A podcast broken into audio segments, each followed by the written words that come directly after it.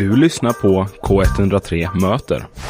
Hej, jag heter Marcus Friman och jag tror att jag är bättre känd som artistnamnet Land of Trees. Ja, och eh, du släppte ett album idag va? Ja, det gjorde jag och mina bandmedlemmar i Land of Trees. Mm. Om jag frågar, eh, vem är du i stora drag? Eh, Jag är en eh, man som ursprungligen kommer från Jämtland och som har grundat hela min artistkarriär och musik i eh, land, metaforer till det landskapet och har egentligen tagit med mig hela den auran därifrån men flyttat ner lite närmare här då. Mm. Och hur många är det med som är i bandet? Vi är fyra stycken med mig inräknat nu då, så vi har en trummis, en banjospelare, en violinist och så jag som skriver låtarna och spelar gitarr och sjunger. Mm. Och hur kommer det just att det blev namnet Land of the Trees? Land of Trees. Of Trees. Eh, det är lite så refererat till landskap av träd och eh, det är Jämtland egentligen, där jag är ifrån. Jag och min eh, kollega när jag jobbade som skoterförare uppe i backen, vi eh, försökte komma på ett bandnamn för vi var med i livekarusellen Mm. och eh, vi kallades Marcus Friman Band. Och jag, tyck- jag tycker det låter som dansband och jag föredrar inte dansband. Eh, så jag försökte komma på ett bandnamn tillsammans med honom och så tittade han ut över landskapet eh, och bara såg granar och eh, berg liksom. Så sa han Land of Trees och det klickade direkt för mig. Mm. Um, vad skulle du säga har varit en inspiration för dig i din musik nu när du pratar väldigt mycket om där du växte upp på träd och så?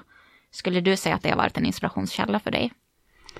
Absolut, det är ju perspektiv framför allt tror jag. Det är en av de viktigaste delarna i mitt låtskrivande och eh, jag behöver liksom ta mig igenom någonting och komma ut på andra sidan och där kommer perspektiv in i bilden och där känner jag att naturen verkligen eh, bidrar med ett naturligt perspektiv. Underligt nog. Ja, gud. Nej, men jag undrar ju, alltså, hur du skulle beskriva din musik. Vad är det för slags, typ? För, för någon som inte har lyssnat. Alltså för någon som aldrig har lyssnat så skulle jag säga att det är en eh, eh, form av kanske amerikansk folkmusik. Det är banjo och fiol med, det är inte country utan det är snarare någon sorts storytelling och mer åt, eh, definitivt mer åt äldre hållet Mm. enligt mig själv då. Det är inte så, det är kanske inte så jättemodernt men eh, jag skulle säga att vi försöker ge så mycket själ som möjligt och storytellingen i form av texten som jag sjunger. Den Mm. ligger väldigt varmt om hjärtat. Och Jag undrar, alltså, när började det här intresset för musik och skrivande då? Det är en supersvår fråga. Ehm, jag kan säga, jag ska försöka säga så fort Mm. som möjligt nu att jag eh, satsade på väldigt många olika saker. Jag ville bli snowboardproffs, jag ville bli basketspelare, men sådana saker är inte jättestora, alltså just snowboardåkningen kanske, men inte annat i en liten glesbygd i Västjämtland. Så, och inte musik heller för den delen, men jag hade en vän som gick bort väldigt plötsligt eh, när hon föll på berget och då insåg jag, eller det blev liksom väldigt tydligt för mig vad som var viktigt i mitt liv och en av de eh, sakerna var att eh, förmedla ett budskap, att eh, skriva texter och dela dem med en publik. Mm. Eh, där blev musik väldigt viktigt för mig. Sen så började jag ju sjunga när jag satt i bilen med mamma och vi lyssnade på Westlife. Liksom. det var ju så jag, det var, musikkärleken har alltid funnits men det var först vid liksom 20-21 års ålder som jag insåg att det här måste jag göra. Mm. Jag tänker, har du några artister specifikt som alltså, du ser upp till på något sätt eller har inspirerat alltså, sättet du skriver på? När jag började, ehm, när jag började skriva musik så var, lyssnade jag mycket på Passenger eh, och han har haft ett förband i form av Stu Larsen som är från Australien. Jag lyssnar jättemycket på Talesman on Earth just nu, Christian Mm. Mattsson från Dalarna och eh, ehm, ja men det finns otroligt många influenser från otroligt många håll. Jag började skriva texter för att jag lyssnade väldigt mycket på rap och blev väldigt eh, liksom fascinerad av hur man Ja. kunde skriva så innehållsrik eh, lyrik i form av rap. Så det var liksom min första ingång. Då måste jag, alltså i fråga om rap, då måste jag fråga Tupac eller Biggie. Tupac all day, West side's the best side. Nej, Biggie man, he's too smooth. Ja men sant, alltså jag, jag vill inte välja. Men måste jag göra det så väljer jag Tupac. Gud. Men jag tänker, eh, det albumet som kommer ut idag. Mm. Eh, det tredje albumet, Fjärde. fjärde också. Och eh, hur har din alltså, generella process kring musikskrivande alltså, ut, varit? Den har ju varit, alltså i, i mitt hjärta och i min själ så har den varit exakt likadan från första gången. Jag skriver en låt på 5 till 10 minuter, ibland 20. Men jag skriver den som en freestyle-rap fortfarande. Jag skriver liksom rakt av i den känslan jag är och jag har väldigt svårt att lägga ifrån mig en text om den inte blir klar och sen plocka upp den igen. Så de slänger jag oftast de låtarna. Men när jag skriver låten så är det nästan alltid samma. Jag måste vara i en känsla och i stunden. Jag skriver texten, jag kanske plockar upp en gitarr eller spelar på det här lilla keyboarden jag har vid datorn eller eh, på banjon eller vad som helst. Och sen eh, det som har utvecklats nu skulle jag säga är bandet som jag har med mig. De tre musikerna som eh, får liksom större och större plats att bidra mer och mer. Och jag tycker att det blir så mycket bättre nu när jag har släppt lite det kontrollfreaket jag är och släpper in dem mer på processen. För de eh, de kan och vet väldigt mycket och de hör och förstår vad det är jag försöker förmedla och så förstärker de det. Mm. När du berättar lite om rap och så, så undrar jag om det finns några andra konstformer som du har inspirerats av. Som kanske är poesi, litteratur eller filmer eller så. Jag började ju skriva poesi egentligen innan jag skrev låttexter. Så det var nog kanske så att det gick eh, ganska bra ihop för mig. När jag skrev poesin och sen tyckte väldigt mycket om musik så la jag ihop det på något sätt. Så jag vill verkligen understryka hur viktig jag själv tycker att, att texter är i musik, både andras och egna. Jag inspireras av nästan all form av kultur skulle jag säga. Jag kan inspireras av tavlor, av dans, eh, filmskapande, filmmusik och all form av musik. Nästan all form av musik i alla fall. Och eh, det finns vissa delar, typ trap och dansband har jag lite svårt för. Men eh, nästan alla uttrycksformer som är konstnärliga eh, uppskattar jag väldigt, väldigt mycket och inspireras av väldigt, väldigt mycket. Och då blir det lite musik med en låt från ditt album. Kul!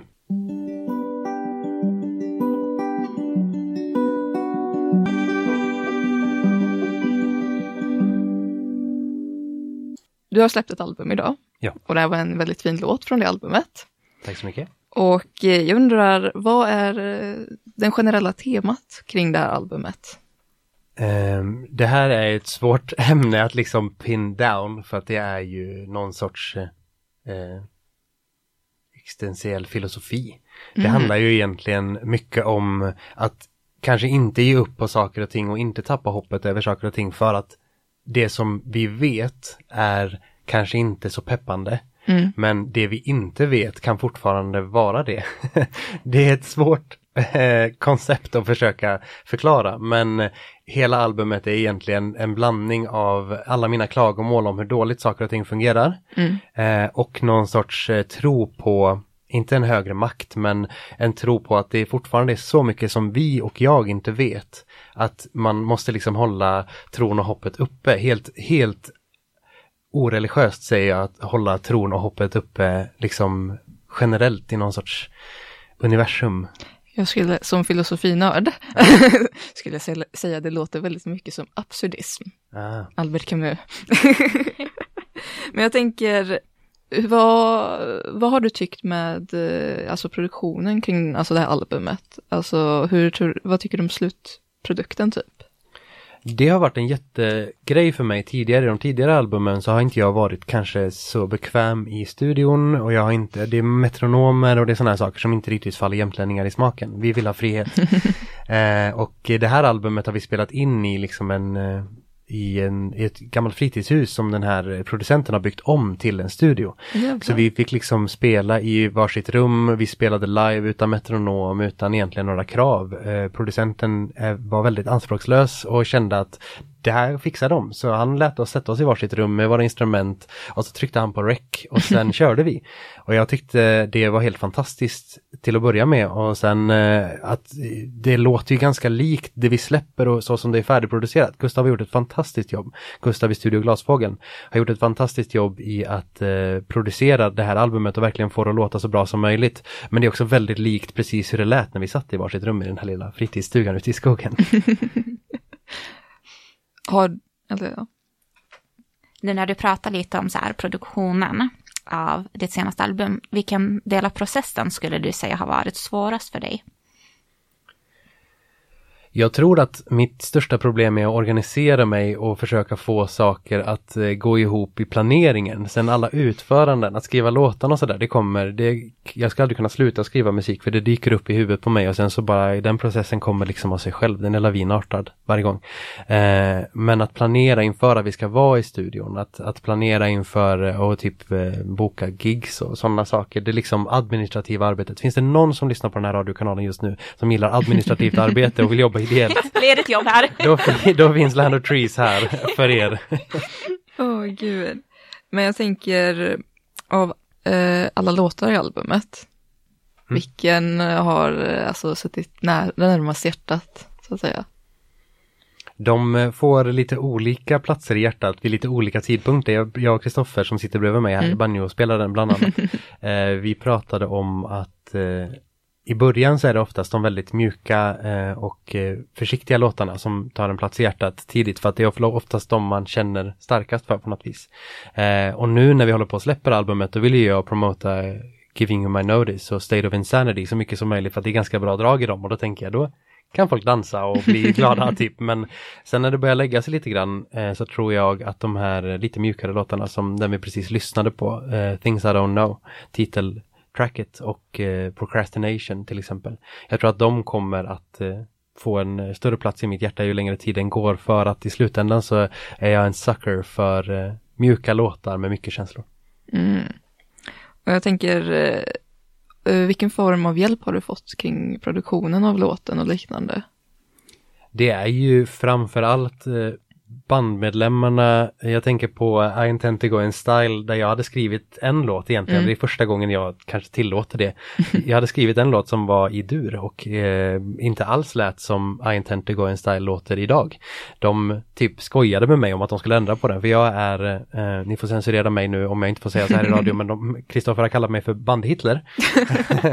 och eh, det är en sån situation där jag kände att nu ska jag vara lite rolig sådär och låta dem ändra i låten och det blev så otroligt bra. Men hur alltså, har det känts att, eh, till skillnad från tidigare album, vad jag uppfattat, att ge mer frihet till andra kring musikproduktionen? Ja, men det har varit en väldigt positiv upplevelse. Mm. Jag, har, jag tycker att det har hjälpt till och att jag har släppt taget lite har nog också gett en friare känsla i, i lyssnarens öron och det är ju egentligen det jag är ute efter. Jag är ute efter att förmedla en känsla och få dem att lyssna på musiken för att de verkligen vill det och för att de tar med sig någonting när de har lyssnat klart på hela albumet. Mm. Jag undrar, alltså, eh, för du är ju en väldigt eh, så här, independent artist. Mm. Undrar vad du har för tips för andra som också är intresserade av eh, musik och liknande artistiska karriärer att nå. Jag önskar ju att alla skulle känna behovet och eh, liksom styrkan att uttrycka sig oavsett hur världen ser ut eller branschen mm. ser ut. Eh, kulturuttryck handlar ju om att eh, visa och förmedla eh, kanske en känsla eller en upplevelse till andra människor. Och jag tror att det är absolut viktigare nu än någonsin att göra det. När alla egentligen går och tittar på nyheterna och tänker att världen är åt helvete, då är det ju kulturens jobb att skina igenom och visa att det finns hopp, det finns eh, eh, någonting annat att fokusera på och eh, man ska absolut ta nyheterna på allvar men jag tror att många gånger så är det också viktigt för människan att ladda om och jag tror att där kommer kulturuttryck in i, i leken.